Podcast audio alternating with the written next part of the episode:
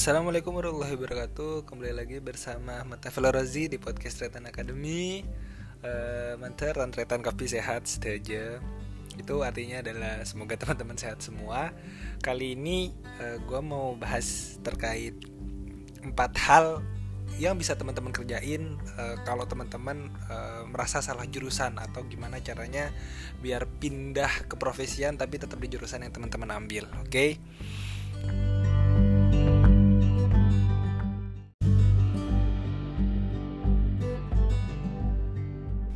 Nah, kali ini uh, eh, gue sendiri di sini uh, sebelum masuk ke empat hal yang tadi pengen gue ceritain, gue mau sedikit flashback ke perkuliahan. Jadi dulu uh, eh, gue angkatan 2015 di salah satu kampus di Surabaya. Uh, gue ambil jurusan teknik industri. Jadi waktu itu gue lulus SMA sekitar 2015 dan masuk. Jadi gue angkatan 2015 di kuliah sampai 2019.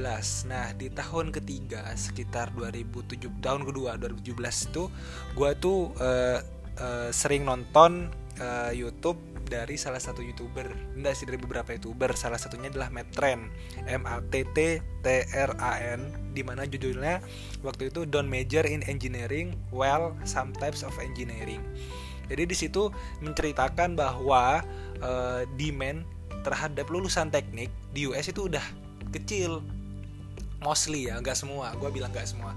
Mostly itu udah kecil apa aja. Jadi itu uh, mulai dari industrial jurusan gue sendiri.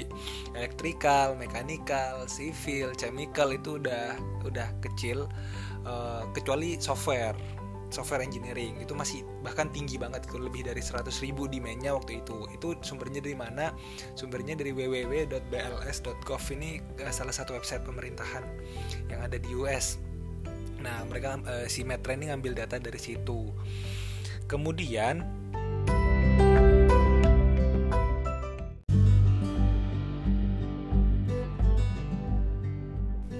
hal ini ditambah dengan uh, gue tuh di jurusan gue sekarang di teknik industri gue merasa bahwa jurusan gue terlalu general dan itu nggak salah sebenarnya nggak salah apalagi waktu itu uh, eh, gue tuh udah sempat tertarik buat join salah satu lab. Cuman waktu itu entah kenapa udah mau uh, interview loh udah mau tahap akhir tapi orang tua minta pulang ke Madura. Akhirnya ya udah gue mutusin buat pulang de, di hari itu juga. Akhirnya gue nggak jadi lulus lab dan gue merasa bahwa wah gue ini kayaknya terlalu generalis gue nggak bisa nih uh, lulus dengan tanpa ada keahlian yang spesifik yang gue pegang waktu itu. Gue juga uh, jadi sebenarnya basic jurusan gue gue cerita sedikit uh, itu emang major basicnya itu di supply chain cuman gue juga jujur kurang tertarik di bidang tersebut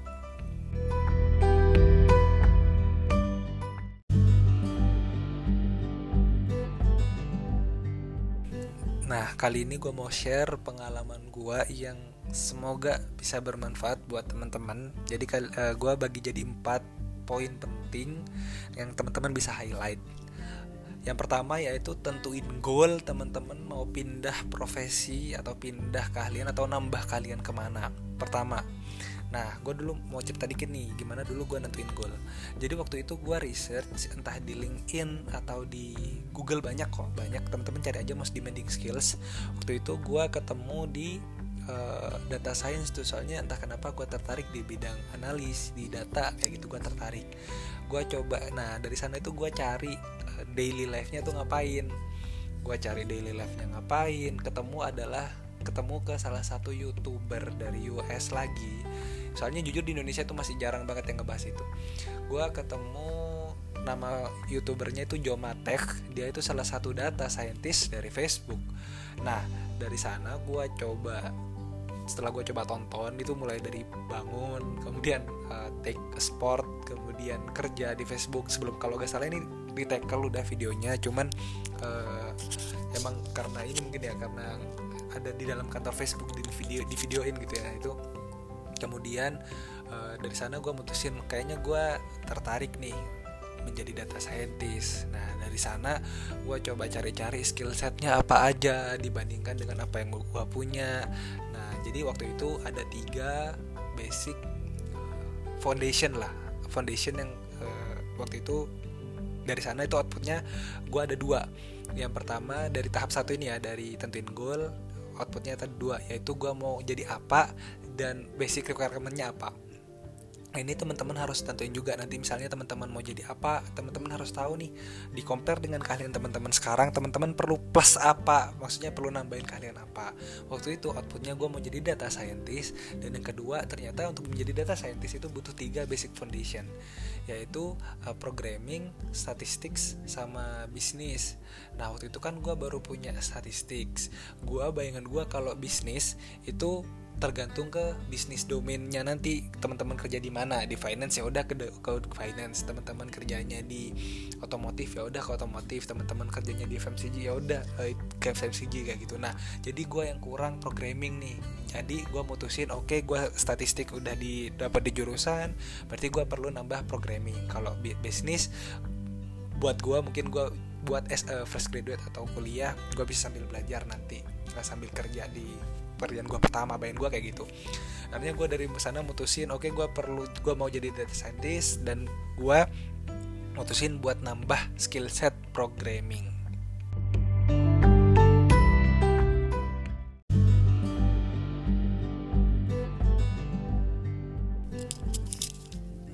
Nah, lanjut ke poin kedua, yaitu cari mentor. Nah, dulu salah satu hal yang menurut gue ini bisa teman-teman tiru. Menurut gue adalah teman-teman jangan malu nih mumpung kuliah itu adalah sebuah privilege. Teman-teman atau yang masih sekolah siapa pun itu privilege. Kalau teman-teman harusnya nih ya kalau teman-teman mau belajar actively ask itu teman-teman bakal dapat lah eh, orang-orang itu bakal mau share gitu. Beda teman-teman dengan profesional ujung-ujungnya pasti kayak kerjasama duit duit duit gitu. Kalau teman-teman kuliah itu privilege teman-teman belajar tuh biasanya si profesional ini mau share as it secara cuma-cuma kayak gitu. Waktu itu uh, eh, gue coba cari itu uh, 2018 ya ya di tahun ketiga gue coba cari data science di Indonesia. Itu jujur masih jarang. Gue itu ketemu salah satu dari e-commerce buka lapa itu buka program namanya dan kalau nggak salah data science graduate program di mana itu ngerekrut sekitar berapa puluh orang atau berapa belas gitu. Nah itu mereka direkrut jadi data science data scientist tapi uh, minimal mereka udah punya basic. Nanti mereka bakal di train kalau gak salah ini ya nanti di train dan nanti yang lolos tuh bakal kerja di sana. Waktu itu gue ketemu salah satu kakak tingkat gue dari uh, sistem informasi di 2014 dan um, dan ada salah satu dari mana gitu gue jujur lupa. Gue cuma ingat namanya cuman gue gak tahu dia dari mana. Jadi ini dua orang ini adalah partisipan dari program data science graduate program di e-commerce tadi. Nah dari sana gue gue ketemu dari mana gue ketemu di LinkedIn. Jadi uh, eh, gue coba tanya-tanya uh, teman-teman nah ini bisa dijadiin teman-teman kuncinya sopan sama mau belajar. Insya Allah uh, pasti dah pasti orang-orang bakal willing to share gitu for free gitu teman-teman. Nah waktu itu gue tanya-tanya assalamualaikum Mas A Mas B gue izin buat tanya-tanya dong eh, kira-kira buat data science itu skill yang dibutuhin apa aja kemudian dailynya kayak gimana sama gue share juga kebetulan nih kebetulan uh, TA gue waktu itu uh, relate ke data science lah beririsan. Jadi gue bisa nggak sekaligus konsult terkait TA gue kayak gitu kayak gitu. Nah itu gue tanya kedua orang kenapa? Jadi biar bisa saling melengkapi kalau keduanya share terkait hal yang sama berarti ini udah valid meskipun menurut gue ya meskipun itu belum tentu.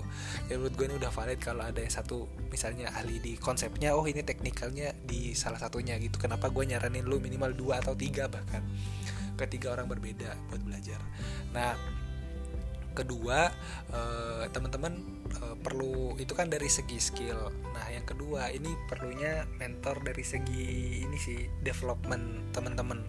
Jadi dulu gue mau share, jadi gue juga sempet join beasiswa, uh, beasiswa dari XL. Jadi waktu itu gue join XL Future Leaders itu gue dapat fasilitas salah satunya mentor. Nah di sana tuh gue ketemu uh, salah satu mentor lah mentor yang super duper keren. Jadi tapi jujur uh, eh, gue agak males sih agak males buat ngisi. Jadi dulu ada salah satu form bukan form sih semacam apa ya IDP gitu individual development plan. Jadi itu teman-teman harus nulis di dua tahun ke depan teman-teman mau jadi apa kemudian e, buat menuju ke sana itu teman-teman butuh apa aja biayanya berapa harus ngapain itu harus ditulis. Dan jujur gue agak males dan e, gue akuin sekarang itu adalah berguna. Nah teman-teman nih mau buat yang nanti gue bahas bakal bahas IDP atau individual development plan mungkin di sesi yang berbeda dari sana tuh gue mutusin tuh di 2018 oke okay, uh, eh, gue mau jadi data scientist di A. Jadi salah satu kuncinya teman-teman dari IDP itu adalah teman-teman harus tahu mau jadi apa di dua tahun mendatang di bidang apa di perusahaan apa kayak gitu. Spesifik spesifik as it is as spesifik as that gitu. Nah dari sana gue mutusin dan, dan uh, beliau itu adalah salah satu hal yang paling concern sih sama perkembangan gue mulai dari emang lu udah belajar apa aja? Lu udah research gak uh, gajinya kayak di sana kayak gimana? Lu udah research gak minimum requirement uh, di mana? Itu mulai dari yang relate ke data scientist sama relate ke soft skills gue gimana? How the way I present bahasa tubuh dan segala macamnya. Ini gue pentingnya kenapa teman-teman harus punya mentor. Meskipun men mentor itu nggak harus orang yang lebih tua bisa jadi teman sebaya nih. Tapi yang teman-teman kalau gue yang teman-teman yang mau yang gue mau belajar sesuatu nih. Nah teman-teman nggak harus uh, take doang. Teman-teman juga harus bisa give sih menurut gue give-nya nah ini nih menurut menariknya. Giftnya itu nggak harus ke orang yang teman-teman mau belajar. Giftnya bisa teman-teman ke orang di sekitar teman-teman kayak gitu. Misalnya uh, tadi gue belajar A gue belajar data science nih dari si Mas A di e-commerce yang tadi gue cerita. Gue bisa jadi cerita gue bisa jadi cerita yang tadi gue kemas di medium atau di blog jadi itu bisa bermanfaat bagi teman-teman yang lain. Jadi itu kayak berantai kayak gitu loh. Pokoknya give and take lah. Nah dari sana tuh gue belajar how do I present gimana caranya gue uh, bikin CV gimana caranya gue berpakaian kayak gitu. Pokoknya teman-teman harus cari mentor. Jadi gue dari poin dua ini tadi gue simpulin lagi gue cari mentor di bidang yang gue pengen. Jadi waktu itu gue pengen data scientist gue ketemu dua orang di e-commerce kemudian gue cari mentor di bagian soft skill gue soft skill development gue waktu itu gue kebetulan dapet di beasiswa gue di Excel Future Leaders teman-teman bisa kalau teman-teman pengen gali lebih dalam terkait soft skills bisa pantengin di Instagram beliau. Ini jadi uh, ini nggak di endorse ini pure rekomendasi dari gue teman-teman follow aja di Instagramnya @didicantikwe. Alay ya tapi ini orang-orangnya eh orang ini super duper uh, keren lah. Dia itu paling concern sama uh, human development lah. Kayak gitu D D D cantik kue. D E E D E E C H A C H A N T I Q U E. Di Instagram bisa search. Di sana tuh banyak banget uh, dia share terkait gimana sih kalau males? Terus gimana sih introvert dalam interview? Kayaknya banyak banget teman-teman asal mau pantengin. As simple as oke okay, gue sehari mau pantengin satu atau seminggu gue mau pantengin satu aja deh kayak gitu. Gimana sih cara interview? Gimana cara ngejauh? Gimana cara nego itu? Insya Allah ada di sana. Teman-teman bisa pantengin ya kayak gitu. Atau teman-teman bisa belajar ke siapa pun ke gue mungkin. Kalau mau tanya-tanya feel free. Kalau mau tanya-tanya entah lewat Twitter, Instagram atau LinkedIn atau dari mana aja. Oke itu poin kedua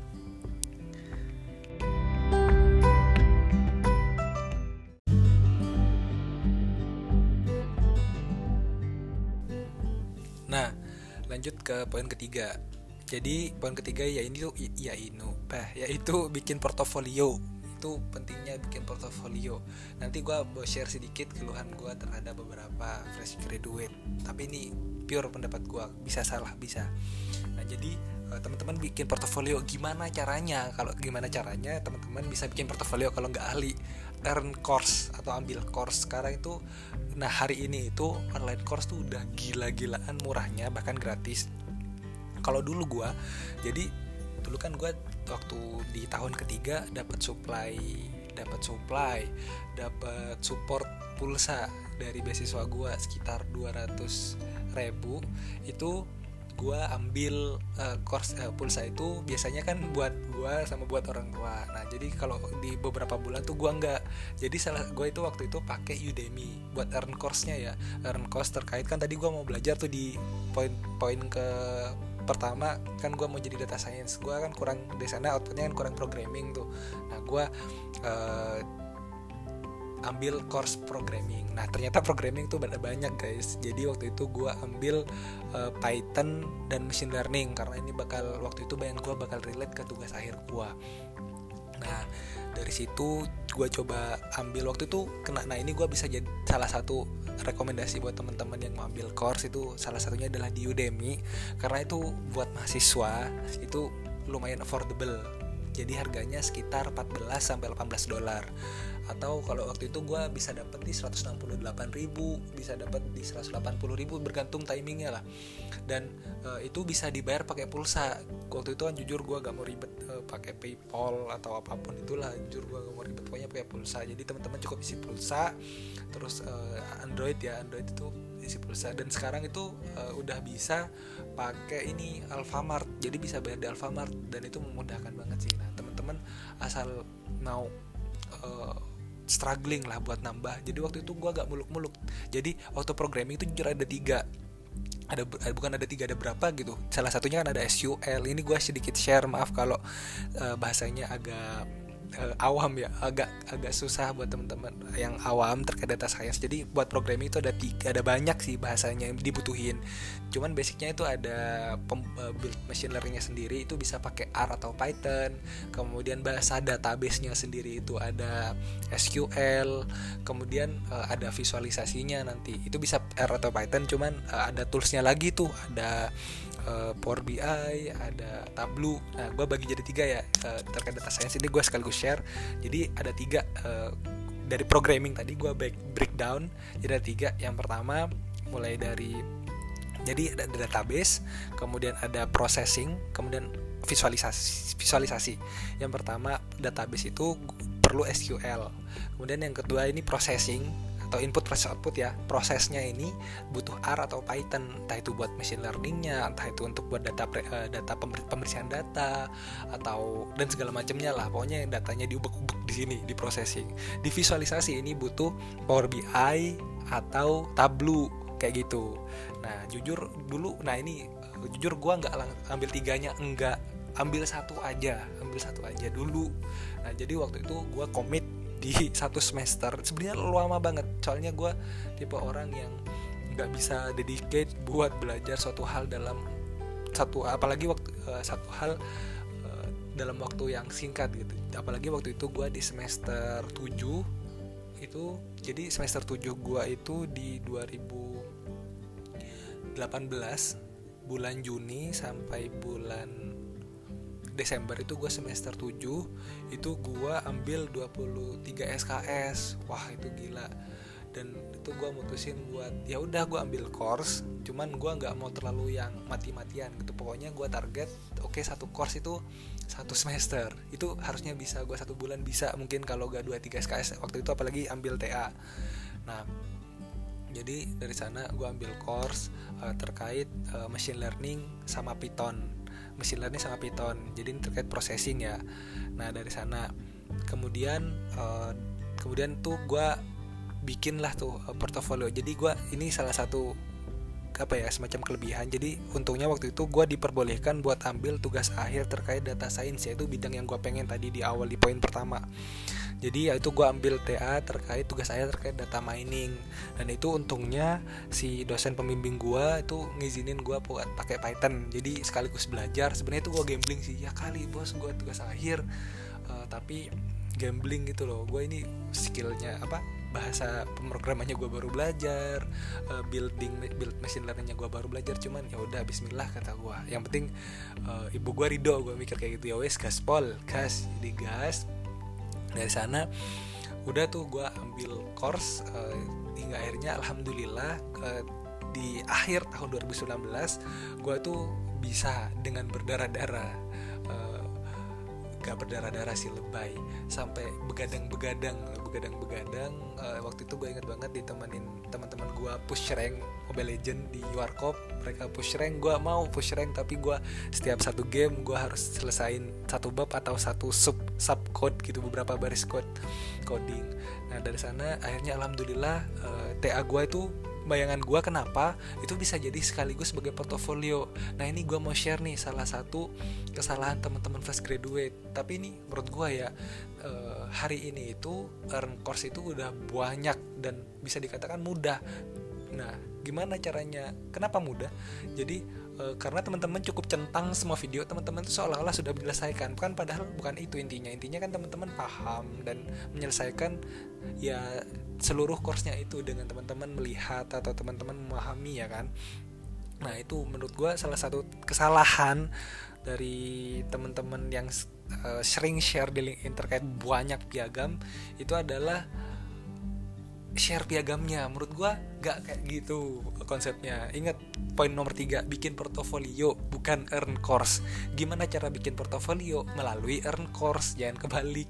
Jadi teman-teman gak perlu share piagamnya. Tapi jujur gue dulu share uh, piagam gue tapi waktu itu gue udah share uh, machine learning gue tuh. Jadi TA gue gue upload ke Medium. Nah mungkin teman-teman yang desain nih bisa upload di Instagram atau di mana atau di Pinterest bahkan di US itu lagi gue pernah baca kemarin di US itu lagi tren uh, buat portofolionya itu di, post di Pinterest. Kalau gue waktu itu upload di Medium sama GitHub, code-nya gue taruh di GitHub.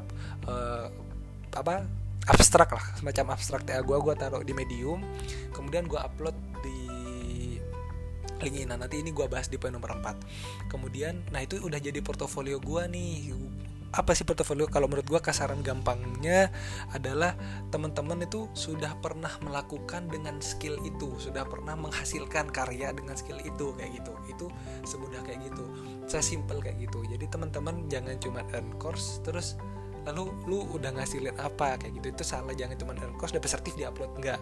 Nah ini saran gue jangan berhenti di sini nih. Uh, teman-teman harus uh, bikin skill bukan bikin maksudnya bikin output apa misalnya buat yang ambil desain web teman-teman kasih tahu nih desain web ini kayak gitu. Nah nanti di poin keempat gue bakal share gimana caranya uh, marketing uh, portofolio teman-teman kayak gitu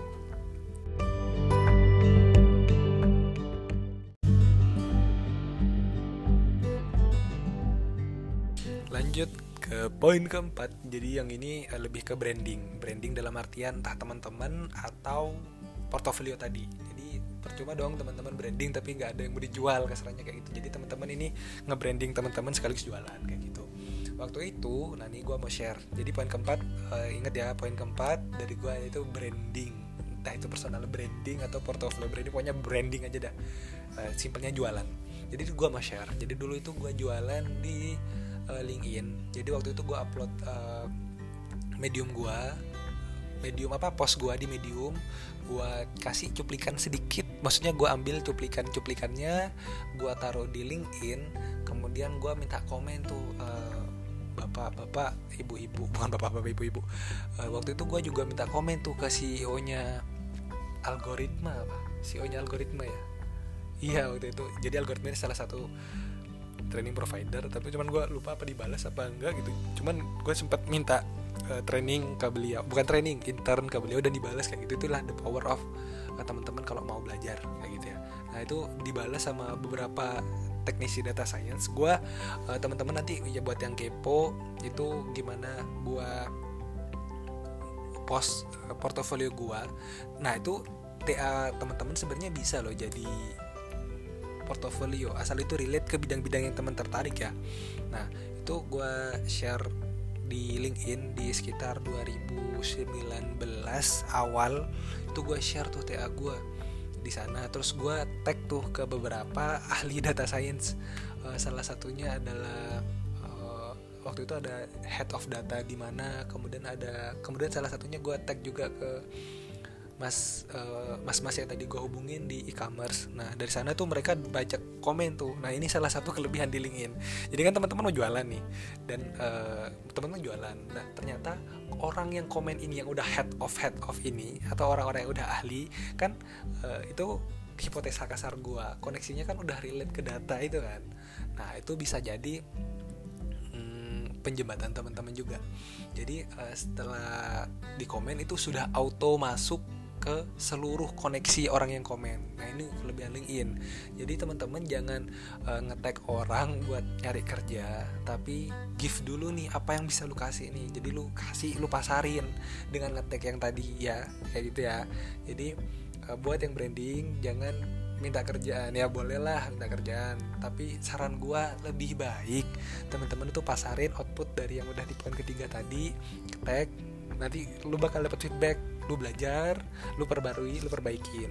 Nah ini teman-teman nanti bagus kalau misalnya teman-teman mau lanjut ke poin kedua atau poin ke satu plus apa itu poin satu plus? Misalnya teman-teman bikin uh, post terkait mock up ini nih gue bikin mock up terkait kamp, uh, apa aplikasi kampus gue nih. Gimana nih kalau para dari para uh, profesional yang uh, di bagian itu gitu apa sih UI UX ya namanya ya UI UX nah nanti teman-teman dari feedbacknya itu coba di improve misalnya eh, teman-teman bikin post lagi itu dari hasil belajar terhadap ini gue bisa dapat poin. Misalnya ini ini misalnya dari hasil uh, masukan dari Mbak A dan Bapak B terkait mockup gue sebelumnya yang di sini. Nah itu kan masarin lagi tuh. Tapi ini teman-teman mau masarin yang uh, feedback yang hasil belajar.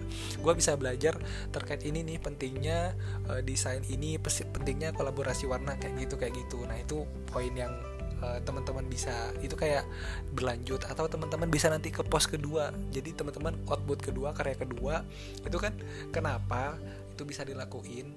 Itu karena uh, yang pertama itu kan gimana ya itu kan pasti ada di masa-masa teman-teman tenang kan. Waktu itu gue di masa-masa tenang itu juga sempat ambil course uh, eh, SQL jadi kan tadi kan ada tiga tuh programnya udah gue breakdown yaitu mulai dari SQL database-nya kemudian machine learning-nya sama visualisasinya. Gue tuh udah apa gue ngambil yang SQL akhirnya gue tuh bisa selesai dalam satu bulan.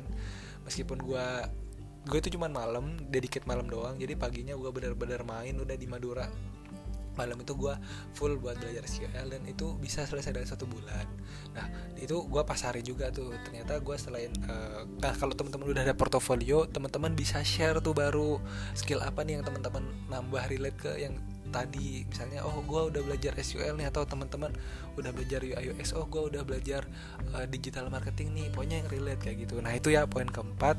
Uh, jangan lupa uh, personal branding terkait bukan personal doang tapi lebih ke outputnya portofolionya kalian pasarin kayak gitu. Dan uh, ini juga gue ada rekomendasi sih buat teman-teman yang bergerak di bidang kreatif. Uh, ini salah satunya adalah TikTok. Ini TikTok menurut gue adalah chance uh, yang besar lah buat teman-teman yang bergerak di bidang kreatif ke depan. Kenapa?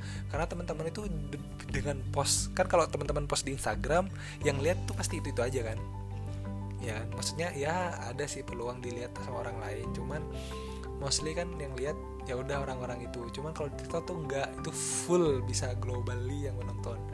Nah itu teman-teman buat yang uh, yang di desain atau di bagian uh, peran di seni peran itu bisa memasarkan skill setnya di sana. Nah nanti sambil di trace tuh ke Instagram kan di TikTok kalau teman-teman masuk di atas kan ada fitur Instagram. Jadi kayak di linking oh ternyata ini lo karyanya nanti nanti follower TikTok uh, teman-teman naik, Instagram juga naik dan itu bisa jadi portofolio set teman-teman buat yang didesain kayak gitu sih. Uh, mungkin itu dulu uh, empat tips dari gua yang semoga bermanfaat yang teman-teman bisa ambil uh, buat gimana sih cara uh, nambah skill hard skill baru atau uh, pindah jurusan. Buat yang salah jurusan ya bukan pindah jurusan kayak pindah ke profesian gitu ya. Kayak gitu sih. Mungkin sekian dulu episode kali ini. Kurang lebihnya mohon maaf buat yang pengen tanya-tanya bisa hubungin gue lewat Twitter Instagram atau uh, LinkedIn. Uh, see you on the next episode guys. Uh, assalamualaikum tretan